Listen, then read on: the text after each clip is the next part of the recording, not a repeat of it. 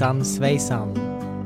Det här avsnittet är faktiskt sponsrat av Nyttogrönt, mina föräldrars företag.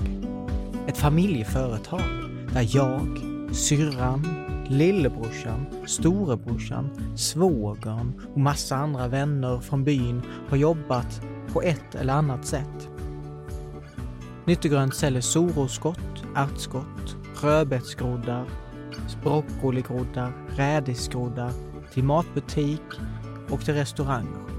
Så nästa gång du ser ärtskott eller soroskott i matbutiken så kan du tänka, men wow, det är ju Jonas från Samtal i min husbils svåger som har odlat upp de här soroskotten och ärtskotten för mig att förtära.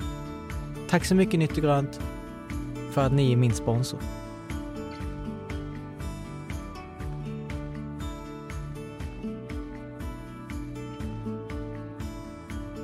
Efter gymnasiet kan man väl säga att i allt det här som hände och den här misslyckade charterresan till Mallorca där jag blev misshandlad av mamma på flygplatsen så hade jag ett fantastiskt möte med en reseledare som hette Mia. Mm. Och Mia och jag höll kontakten. Och vi håller kontakten än idag. Mia blev min största förebild. Mm. Och Hon gick från att vara reseledare till flygvärdinna. Mm. Och jag tänkte jag ska bli som Mia när jag blir stor. Så Mia inspirerade mig.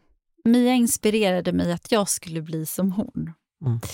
Så att jag var ganska målmedveten där. När jag var 12 då skrev jag alla med mina vänner, flygvärdinna, på vad man skulle bli. Mm. Och Sen satte jag målriktat av eh, mot Kanarieöarna.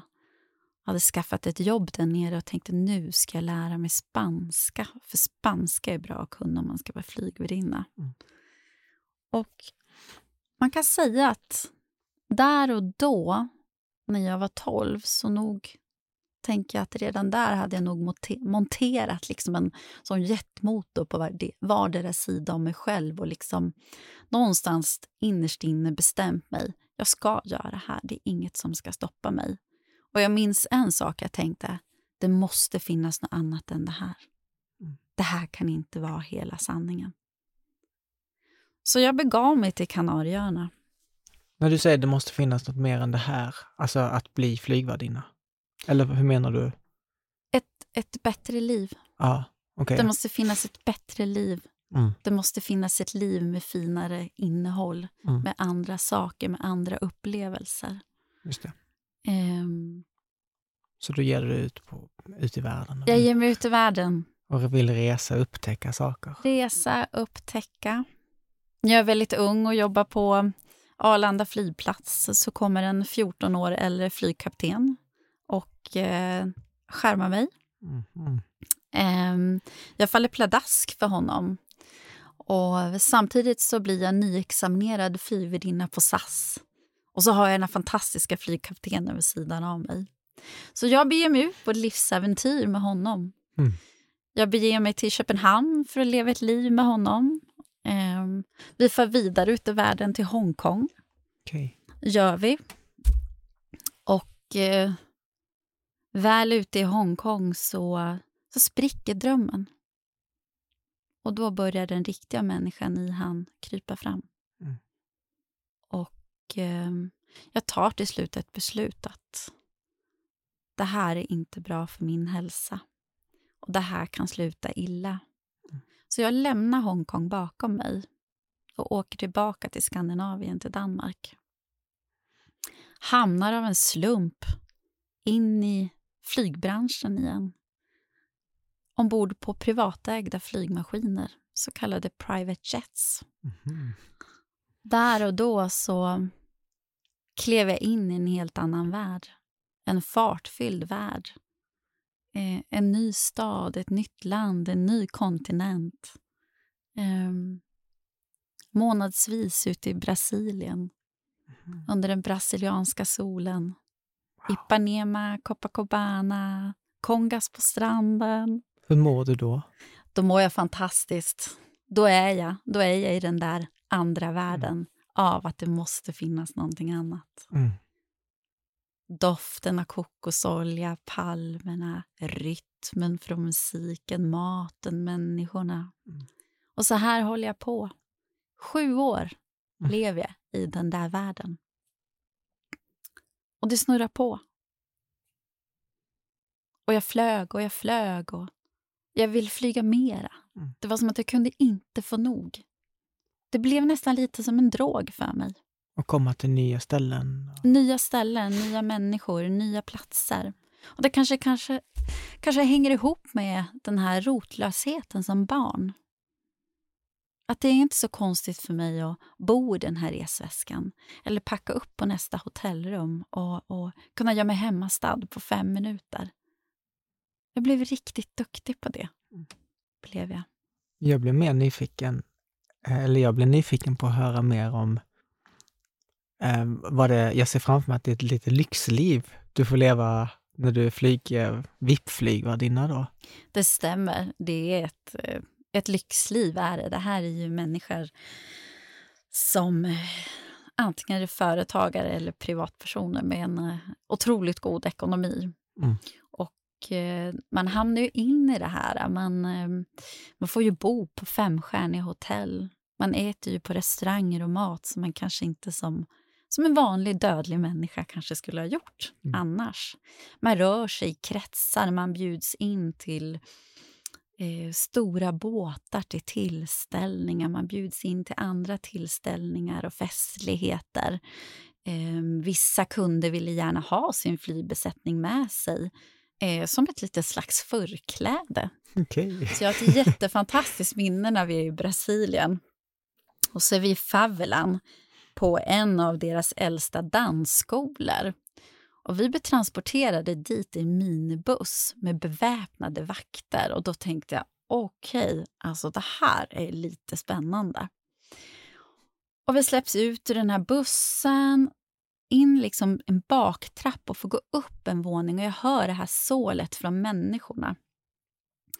Och då har vi fått som en, det är som en egen balkong med egen bar, egna servitörer. Och där står vi och dansar tillsammans med alla de här människorna till det här 85-årsjubileet. Det var helt otroligt. Och en unik möjlighet för att vi vet alla de som har rest att favelan går man ju inte in i kanske helt frivilligt heller, så att säga. Mm. På grund av att det är otroligt fattigt och det är otroligt utsatt som västerländsk att komma dit kanske. Med smycken på och klockor och annat och så vidare. Men vi fick den här unika chansen. Och det var... Hela själen sjöng den kvällen och natten. Alltså vi stod och dansade i rytmen till samba det var magiskt. Fick du många goda vänner som var flygvärdinnor och piloter och så? Absolut. Och jag har, fått, jag har vänner för livet. Och det vi har delat är så unikt, för att det är verkligen en annan värld. Mm. Så vi kommer aldrig kunna prata med någon annan och ha den här förståelsen som vi har med varandra. Och det kan jag sakna jag flög ändå så intensivt och länge att det var en jättestor identitet av mitt liv. Mm. Och eh, när jag väl skulle hänga mina, mina så kallade vingar på hyllan så var det en sorg. Det blev en sorgeprocess att finna ut om när jag tog av det här id-kortet där det stod flygvärdinnan Sanna. Så skulle jag hitta mig själv på nytt och vem skulle jag vara då? Och då är du typ 27, 28? Nej, då är jag lite äldre. Är okay. jag. jag har gjort lite resor däremellan också, men när jag väl hängde vingarna på hyllan så var jag kring 36. Mm. Träffade min första barndomskärlek igen. Okay. Och han fick mig till att tänka att kanske livet måste innehålla lite annat också. Mm. Men, men eh, um, okej, okay, leva det här livet som, med lyx och glamour och uh, det är mycket fest, låter det som. Och, eller festliga tillställningar. Absolut, det är mycket festliga tillställningar. Och ha den här bakgrunden då med en mamma som har varit alkoholist och narkoman mm. kanske. Eh, hur förhöll du dig till de här olika drogerna och alkoholen? Alltså för det första, jag är ju otroligt motståndare av droger. Mm. Är jag. Alkohol är ju en diskussion vi skulle kunna ha ganska länge. Ehm, såklart. Det finns ju, det ligger ju i DNA. Ehm, för det här är ju inte en... Min mamma är ju inte alltså sin generations enda alkoholist utan den här alkoholis alkoholismen finns ju bakåt, mm. gör den också. Och eh, såklart man måste vara på sin vakt. Man måste tänka sig om. Men såklart har jag också varit en ung människa som har druckit mig redlös. har jag gjort. Det ska gudarna veta. Mm. Och även i vuxen ålder. Och jag är även fortfarande en vuxen som kan vakna upp och säga men jag borde veta bättre. Mm.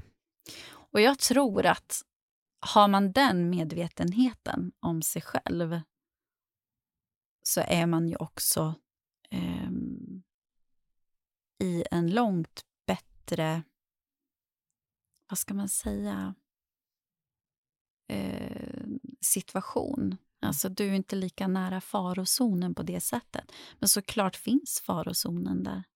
Det skulle ju kunna vara jättelätt för mig att tippa över och sen välja liksom att ta ut vägen i rödvinsflaskan. Mm.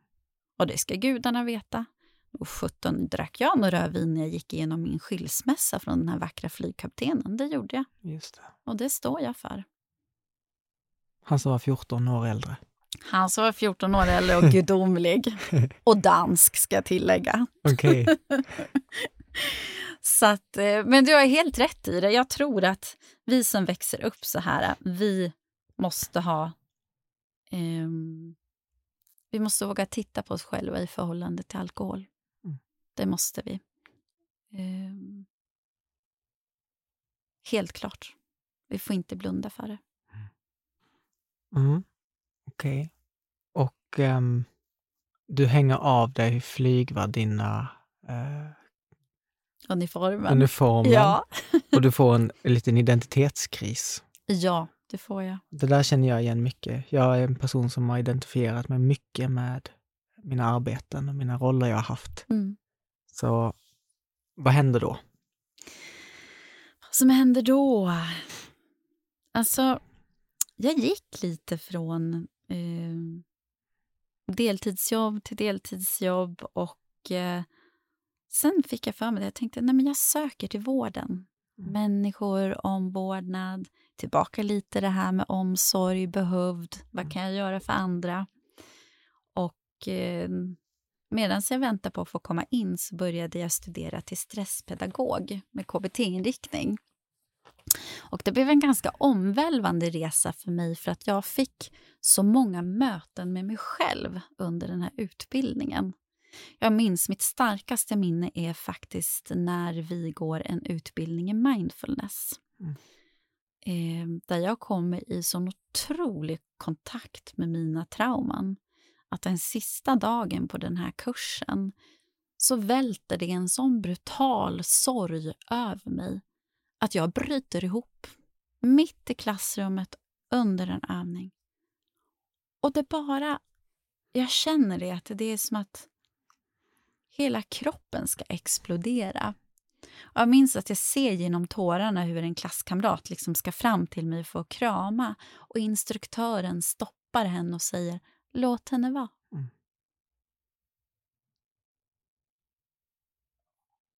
Och där och då förstod jag väl inte, men det visade sig att hon även var eh, specialist på trauma. Så hon sa det att det är viktigt att få gråta tills tårarna tar slut. Mm. Annars kommer de alltid finnas kvar där inne, så att säga. Och Det blev otroligt förlösande, men det blev också början på eh, ett större inre arbete eh, tillsammans med en psykoterapeut. Eh, för att titta, titta på barndomen, titta på vad den har skapat för känslor, för beteenden, Um, hur den sätter käppar i hjulet för mig som vuxen individ. Um, mina val av män och kärlek.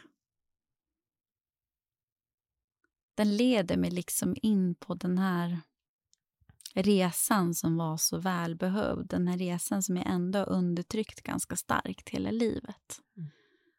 Mm. Um,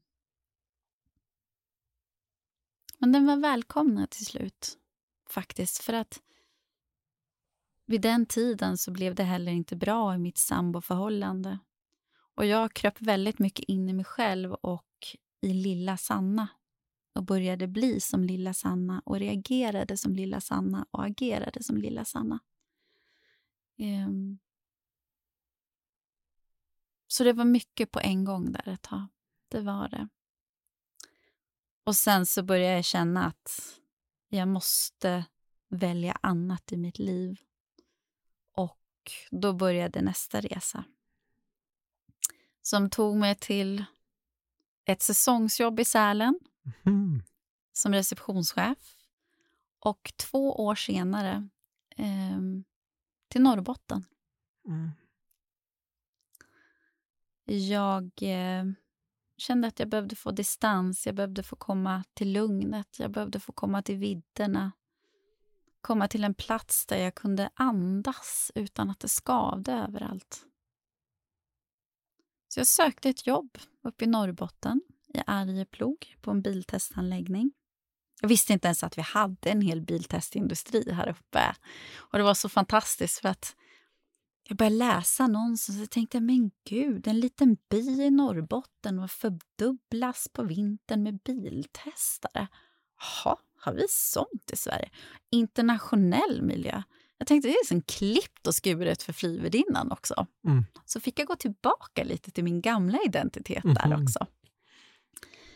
Så att jag fick faktiskt jobbet mitt i brinnande pandemin och okay. tog min bil och körde upp här 30 december 2020. Snöstorm. Mobilabonnemanget la av ungefär utanför Skellefteå redan. Gjorde det. Jag kommer och kör in i Arjeplog så tittar jag, för jag ser som ett svagt ljus genom snön och så tittar jag till min högra sida och ser den vackraste rosa kyrkan uppenbara sig. Mm. Och jag känner bara, men varför har jag inte kommit hit tidigare?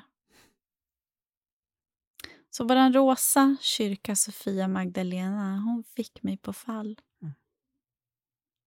Och någonting hände i mig där och då. Och tre veckor senare så visste jag, jag kommer inte kunna åka tillbaka till Köping. Det är här jag ska vara. Så jag bestämde mig. Så när min säsong var slut så ordnade jag ett jobb. Jag ordnade en bostad. Jag åkte ner för att packa. Och jag minns så väl när jag har ungefär tre mil kvar till Arjeplog och ser fjällen och då är det precis som allting släpper. Jag är trygg, jag är omhändertagen, jag är bland människor som uppskattar mig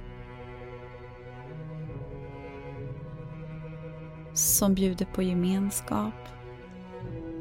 Det här gammeldags samhället där vi ser medmänniskan, där vi finns för varandra. Där vi lyfter varandra. Där det alltid finns en kram och det finns alltid ett hej. Det är människorna som gör platsen också. Människorna som bidrar så starkt till att Arjeplog är unikt. Och för mig som har rest så... Jag har så många mil av hav under vingarna. Så många mil av städer, byar, sandstränder, öknar, regnskogar. Landar för första gången i hela mitt liv i Arjeplog.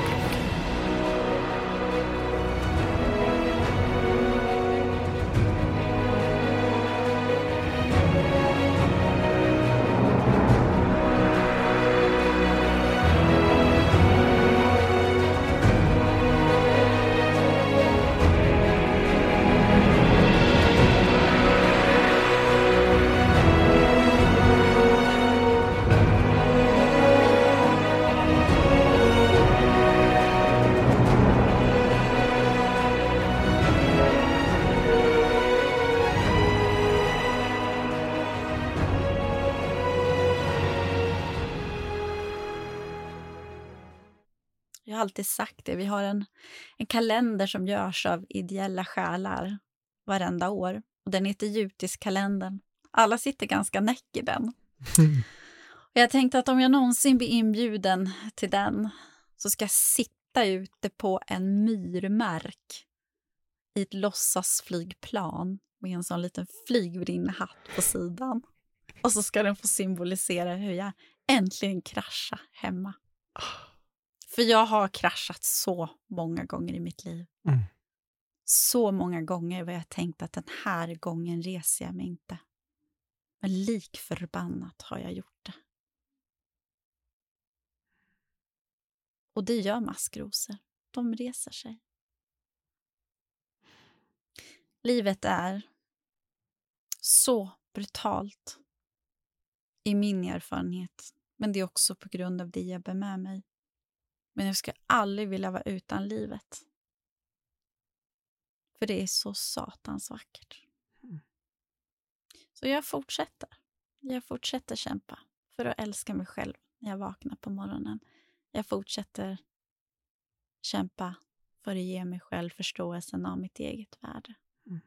Att jag är viktig. Mm. Så fint. Um, jag tänker på när du fick komma i kontakt med, eller du fick gå på den här mindfulness-kursen. Ja. Och du um, fick den här kraftiga upplevelsen av sorgen. Har, har du hittat tekniker och hjälpmedel i de här, inom de här olika genrerna? Eller jag tänker inom någon... Du pratade lite om när du såg kyrkan och jag trodde du skulle berätta liksom att ja, nu, nu så visste jag att jag ska gå till kyrkan. Har du fått hjälp av någonting så här utifrån, mer än mindfulness? Alltså jag har ju, mindfulness tycker jag ju som jag sa, ett väldigt kraftfullt verktyg, speciellt just, jag tycker att det ska egentligen praktiseras mer inom traumabehandling. Mm. Eh, medicinsk yoga har också varit ett otroligt fint verktyg. Också dels för eh, kunna landa och hitta en, ett inre lugn, men har ju en fantastisk påverkan på sömnen. Jag eh, väljer faktiskt mina relationer till människor också med större omsorg idag. Det är också ett slags verktyg. Att jag omger mig med eh, en annan typ av individer idag. Och eh, där har jag fått ganska oväntad hjälp. Här i Arjeplog från en individ som har lite större kontakter utåt i våran vida värld mellan himmel och hav. Mm. Eh, som har varit ett fantastiskt stöd i att jag ska förstå min resa. Och att jag ska kanske förstå mycket av de förmågor som jag har fått också i förhållande till allt det jag har varit med om. Sen tror jag ju mycket på eh, vistas ute i naturen. Gå barfota, att man jordar sig ordentligt och på riktigt. Jag tror på att eh, när det stormar inombords så tror jag på... Jag är ett eldstecken. Mm. Så då brukar jag tänka på att nu ska jag faktiskt gå ner i sjön och bada. Okay. Så att de här två balanserar upp varandra. Mm. Av det här brinnande infernot inuti och sen det här svalkande vatten. Mm. Sen har jag i vissa perioder varit tvungen att medicineras när eh, bilderna av övergreppen har blivit för kraftiga och slagit ut mig fullständigt så har det även lett till en ångestproblematik. Eh, där är det också jätteviktigt att när, man, när jag hamnat i det läget så har jag förstått att då har jag inte tagit hand om mig själv. Jag har inte praktiserat min mindful, mindfulness, jag har inte praktiserat min medicinska yoga, jag har inte sökt mig till havet. Och framför allt, jag har inte ätit maten, för mat är medicin. Mm. Det vi stoppar i oss, det kommer ju ut i en eller annan form och bidrar ju även till mer sjukdom. Eh, och sen sömnen. Alltså en god sömnhygien är ju. A och O. När du också. säger att du inte har ätit mat, menar du att du inte har ätit alls eller du har ätit dålig mat? Ät, inte ätit alls. När kroppen går in i en eh, stressreaktion så försvinner hungern. Okej. Och när man har levt som jag har gjort så lever man ju ofta med fullt gaspådrag och ett stresspåslag. Då slår det ju ut hungerkänslorna dessutom. Mm. Gör det. Så jag har varit väldigt duktig på att gå utan mat, Mm. faktiskt. Ehm, eller så kan det vara ett perioder där jag inte ätit bra mat som också går in och, och, och ger störningar, helt enkelt, på måendet. Mm. Så det är jätteviktigt, just det här de här mindfulnessverktygen, kosten, sömnen och naturen. Naturen är ju så läkande. Mm. Vi finner så mycket kraft i naturen också. Jag tror att om vi alla fick slå ut, ta en timme varje dag, blev tvingade ut i naturen, utan telefoner, utan störningsmoment, utan bara vara här och nu i mindfulness, så tror jag att vi ska kunna mota mycket ohälsa i grind. Mm. Faktiskt. Men det är min personliga åsikt. Mm. För att jag har själv upplevt effekten av det. Men sen är jag också människa, så ibland blir jag, som jag säger, slarvig. Mm. Och då måste man backa bandet, gå tillbaka, okej, gör omtag. När du sa innan att, att eh, du jordar dig, vill du berätta vad det innebär att jorda sig? Jorda sig kan jag tänka mig, alla har säkert sin egen förklaring till det. Men för mig är det att, att gå i kontakt med naturen. Att jag släpper på allt, känner in det som är runt omkring mig. Hur känns det under fötterna? Hur känns det under händerna? Mm. Att jag låter liksom det här den känslan ta över och så skjuta ut det andra. Det hjälper mig också att vara. Bara det här med att plantera. Det är ju också att jorda sig. Stoppa händerna i jorden. För känna det mellan fingrarna. Alltså det är ju det vi kommer ifrån. Vi består ju av eh, materia. Det är ju ner dit vi kommer komma. Av jord är du kommen och av jord, Jord. skall du åter förgå. Ja, eller hur? ja, verkligen. Ja. Nej, så att det finns ju otroligt... eh, Alltså det finns så många fina saker man kan göra för att ge sig själv ehm, lugn Mm. i livet. Så att jag funderar på någonting. Alltså, en sak jag gillar är att ta min kajak och paddla ut när det är alldeles spegelblankt. Så paddlar jag långt ut, tar upp paddeln, sen drar jag ur benen och lägger upp dem på kajaken. Sen flyter jag planlöst. Så tittar jag på himlen och det enda jag säger till mig själv är att du behöver inte prestera. Du behöver bara ligga här och titta. Mm. Wow. Så bra. Ja, tills någon överraskar en bakifrån med en kajak man inte har hört och man håller på att trilla ur, det kan jag säga. Krockar inte dig? Sist jag var ute och paddlade så var det en som smög på mig. Du vet, jag höll ju på att ramla ur. Jag tänkte, Oj. nu välter jag med allt. Var meningen eller personen var... Nej, det var inte meningen. Han hade dragit några ordentliga paddeltag, sen flöt jag han bara på. Ja. Så det var ju därför han inte hördes. Och jag låg ju fullständigt bortzonad från hela världen. Att... eh, Han gjorde likadant kanske? Eh, Jag tror det nästan, ja. Han var inte så pratsugen i alla fall, det kunde jag märka. Mm. Men jag tror faktiskt att det man bestämmer sig för i livet, det kan man. Mm. Sen tänker jag att kommer du in i livet och får alla de här grundstenarna som behövs för att ge dig ut i livet, så absolut, du, du har en annan rustning, den har en annan stabilitet, kanske en grundstabilitet. liksom. Ehm, men vi som växer upp som maskrosbarn har ju en annan sak. Det behöver inte vara så planerat. Vi räds inte det nästa äventyret. Vi räds inte de här konstiga situationerna som där man kanske har växt upp under mer trygga förhållanden, kanske inte har utsatts för. Eh, vi är den som kommer springa fram på gatan till den som kollapsar och vara den som ger första hjälpen. Mm. Eh, vi kommer vara den som ingriper om det är någonting som inte är som det ska. Mm. Vi har oftast jättestarkt rättvisepatos också. Eh, vi talar upp där alla andra tiger. gör vi. Och sen äventyrslusten som vi har.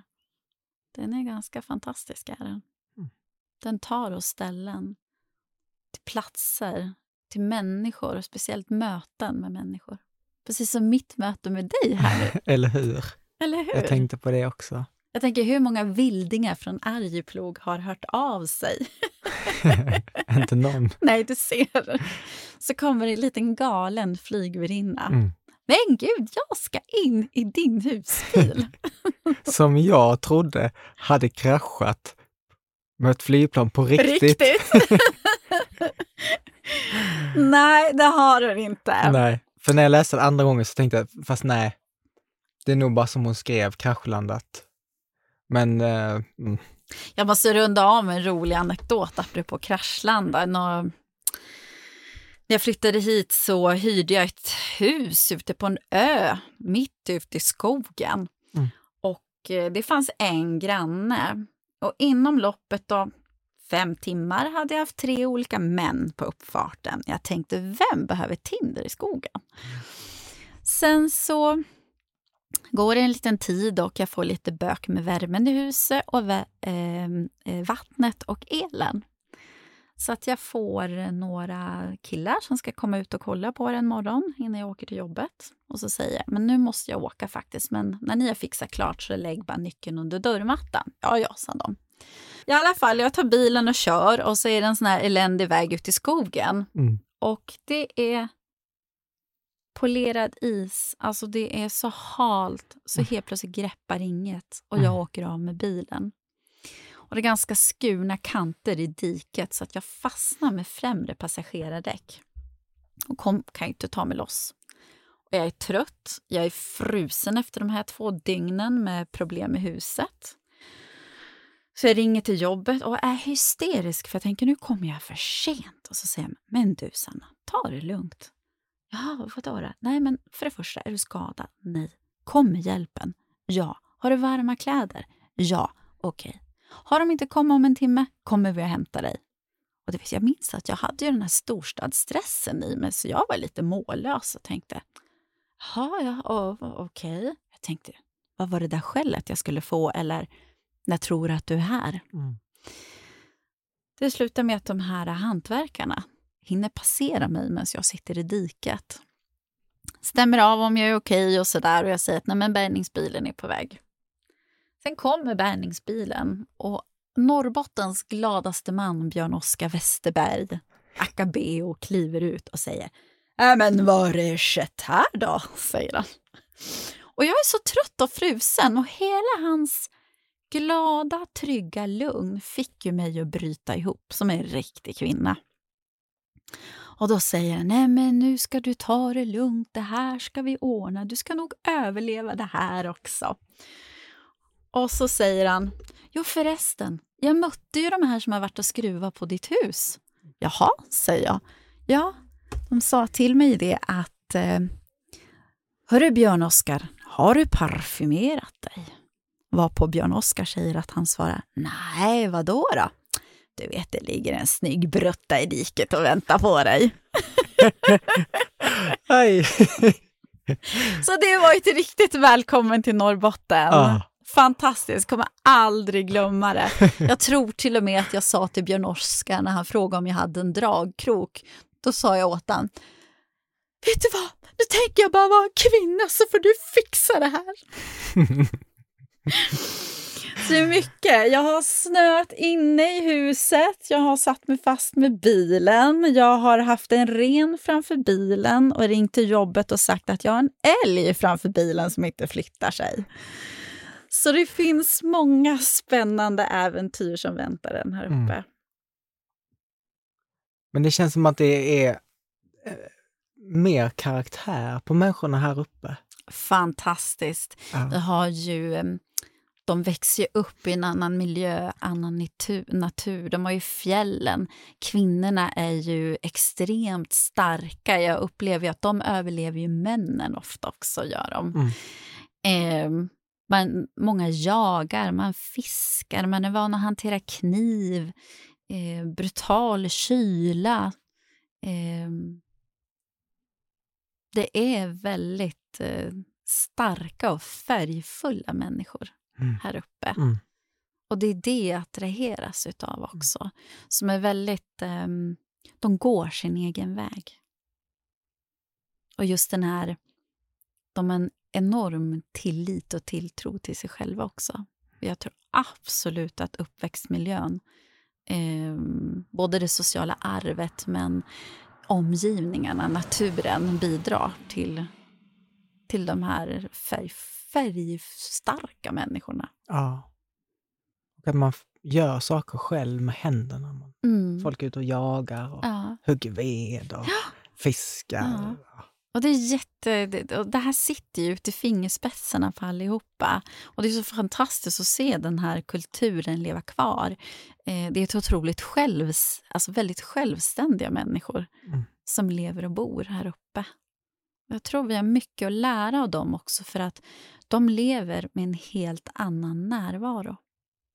Som också gör att de har ett helt annat lugn. Mm. De är goda förebilder för ett eh, harmoniskt liv. Det känns som att eh, ditt jobb, att du är eh, som klippt och skuren för att locka hit människor och bo här. ja, det var, vad var det någon som, eller ja, de som jag hade idag på besök sa det. Du är rätt person på rätt plats. Mm.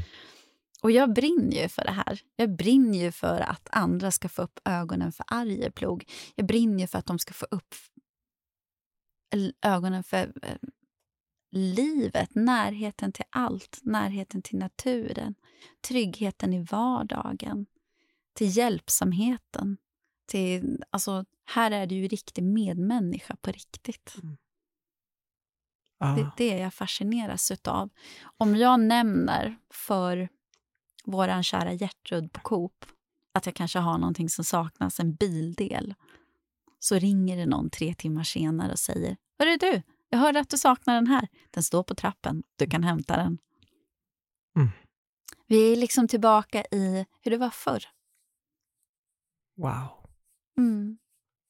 Jag har träffat eh, tre personer här i Plog som jag har fått prata lite mer med Mm. och du är en av dem. Mm. Och två utav eh, de här tre har sagt till mig att eh, här, du får mitt nummer, skulle det vara någonting, Mm. behöver hjälp med något, vill du komma hit, vill du prata, Ja. så bara ring. Och det är som jag sa till dig, nu behåller du mitt nummer. Mm. Och händer någonting på vägen så löser vi det. Alltid. Ja, det är jättefint. De brukar säga att här uppe är vi no problem people. Mm. Och det stämmer. Det finns otroligt mycket hjärta och värme att hämta från Norrbotten. Jag, jag har aldrig varit här uppe förut. Det är så många som aldrig har varit så här långt upp, Nej, som inte, som inte vet vad detta är för sorts Sverige. nej. De skräms ju många gånger av avståndet och distansen. Man rör sig oftast kanske, ja, vad ska vi säga, kring Sundsvall, Höga Kusten någonstans. Man eh, kanske åker till Åre på skidsemester. Eh, här har vi landet, alltså midnattssolens land. Det är fantastiskt. Fisken nappar bäst på natten. Mm. Förstå att stå i midnattssolen och fiska. Dra upp din, din lunch till dagen efter. Det är helt underbart. Du åker ut på någon fantastisk plats, tänder upp en brasa, sitter där i tystnaden och bara blickar ut över det stilla vattnet. Jag tror vi räknar till att kommer inte riktigt ihåg hur många Det var några kilometer strandremsa per person i hela Sverige. Vi har ju 8727 sjöar runt omkring Arjeplog. Um, du kan ju åka en hel vecka till en strandsnutt och du kommer inte se en själ där. Mm. kommer du göra. Uh, vi har när, alltså, närheten till naturen. Jag, uh, där jag bor så går jag in i min lägenhet och tar min kajak under armen. Sen går jag 150 meter och sen ligger den i vattnet. Det är rätt unikt faktiskt. Är du, har du barn, alltså vilken annan plats kan du åka och hämta barnen på förskolan, in till tandläkaren och vara färdig på en halvtimme? Det är, det är rätt underbart, det är det. Mm. måste jag säga.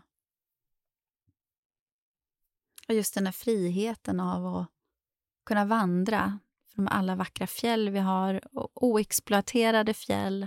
Det är inte en massindustri här heller. Vilket också bjuder på unika upplevelser. Gör det. Jag tänker, har du varit upp på vårt skidberg Galtispoda? Nej. Du skulle ju nästan ha avrundat din vistelse här med att köra upp där innan du far vidare. Så jag kan köra upp dit? Du kan köra upp dit, kan du göra. Vad hette det, sa du? Galtispoda. Okay. Galtis skidanläggning. Jag skriver in det här. Mm. Galtis. Det, Vissa namn här känns nästan lite finska. Ja, men Eller det är ju var... samiskan. Är det. Det, det, det är det samiska språket. Jag är så outbildad. Nej, du är inte outbildad. Du är bara som resten av oss i Sverige som måste, vi måste vara intresserade oss lite. Så det är det samiska språket, mycket namn här uppe som... Ja, det är det samiska språket. Ah, vad häftigt. Och det finns ju olika varianter av samiskan också okej, det är detta där man ser eh, en mast högt uppe på ett berg. Precis, det stämmer. Yep. Du kan köra hela vägen upp till den masten kan du göra. Så istället för att svänga av upp mot skidanläggningen när du liksom har åkt en bit upp så ser du som en lång, lång, lång, lång backe som går upp så här. Mm. Ja. 13 minuter dit bara. Ja, jag vet. Då ska jag köra dit nu direkt. Gör det, det tycker jag. det är fantastiskt. Du har en, ehm, på en klar dag så kan du se otroligt långt därifrån. Mm. Eh, och allas vår favoritplats för att beskåda midnattssolen också. Okay. Men eh, du ser ut över hela Arjeplog. Vi får en jättefin överblick över hur det ser ut från ovan. Mm. Det är helt underbart. Aha. Så jag hoppas om du åker upp dit och så får du blodad tand och sen ringer du till mig på vägen tillbaka ner till Ystad och säger du Sanna, jag kikar förbi. Bra. Ja, det är möjligt. Ja, det tycker jag. Du är mm. hjärtligt välkommen. Mm, vad fint. Ja. Tack så jättemycket. Verkligen. Tack. Jag, eh, det kom så plötsligt, det här mötet. Och jag bara kände att wow, nu får min podcast, mitt projekt, det får leva ut. Det är precis så här jag vill. Spontaniteten. och så här möten som nästan känns som att de är, eh, har en andlig, spirituell, eh, att de leds liksom och vi möts och bara känns som att ja, men vi skulle mötas här. Uh, och um, för jag har känt ibland med podden att oh, jag, jag vill inte gå runt och jaga folk. Mm. Utan det här var så fint att någon fick komma till mig. Oh, jag är så tacksam för det. Det är det som är så fantastiskt. Eh, jag läste ju, var inne och läste just lite det här. Det finns ju lite text om det och sådär. Det är precis som du säger, så fantastiskt att det här mötet sker. Jag är otroligt tacksam att jag får dela min svåra historia med dig. Mm. Ehm, det betyder jättemycket för mig att få sätta ord på det här i det öppna rummet. För det är naturligtvis inget lätt ämne. Inte för mig själv, inte för dig, kanske inte för den som kanske ska lyssna på det. Men jag är väldigt glad att du har gett mig också en chans här till att tala ut för att vi måste börja tala om de här sakerna. För vill vi få en förändring och verkligen se att barnkonventionen förankras i vårt samhälle så är det också jätteviktigt att vi pratar om de här mörka, brutala sakerna som faktiskt försiggår. Mm till dagligdags ute i vårt samhälle. Och med att jag får göra min röst hörd så hoppas jag att det kan tända ljuset och hoppet hos någon annan om att det går att få ett bra liv. Mm. På trots av den brutaliteten som har brutit ner en i de allra viktigaste åren av ens liv. Tack Mm. till dig. Ja. Tack till att jag får sitta i din fantastiska husbil. Titta på dina böcker, blicka ut över vattnet och höra fåglarna. Mm. Jag känner i min egen resa att mötet med dig gör att jag också kommer kunna blomstra ut och färdas vidare nu. Jag, jag känner mig redo. Mm. Tack. Och jag blir så inspirerad av ehm,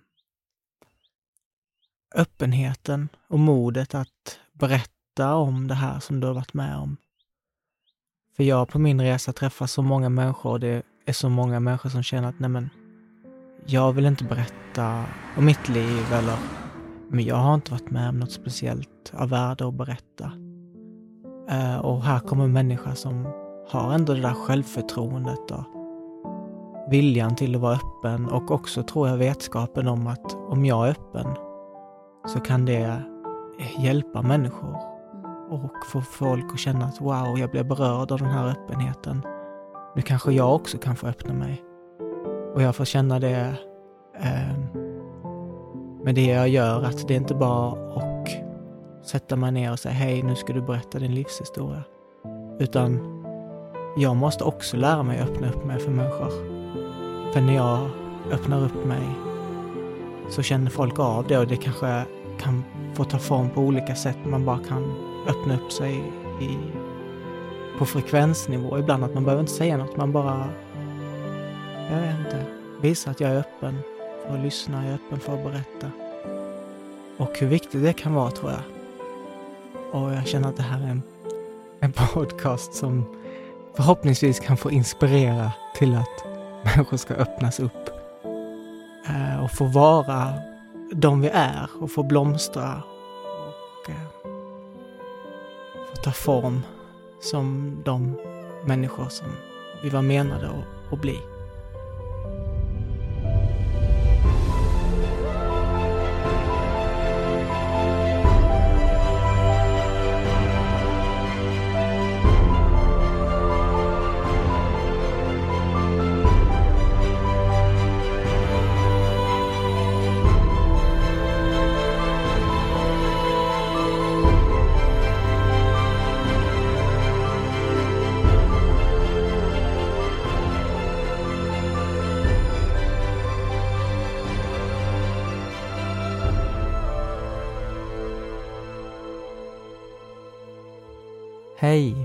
Tack så mycket för att du har lyssnat på podcasten Samtal i min husbil. Om du tyckte om det här avsnittet så är jag otroligt tacksam om du vill hjälpa mig att nå ut till fler människor. Jag vill nå ut till fler människor, men jag behöver er hjälp för att kunna göra det. Så du får jättegärna dela det på Instagram, på Facebook, skicka iväg ett sms, berätta för någon muntligt och säga hej, det här är en riktigt bra podcast, gå in och lyssna. Eh, eller vad du än vill säga. Det är jag jättetacksam för. Och jag är villig att säga att jag, jag behöver den hjälpen från er. Om jag ska kunna nå ut till fler människor. Det hänger på att ni som lyssnar, om ni tycker om podden, dela den vidare. Så gör det, är ni snälla. Om ni gillar den såklart. Och stort tack till Sanna Strand för att du ville vara med i podden. Ha det bra. Hej då!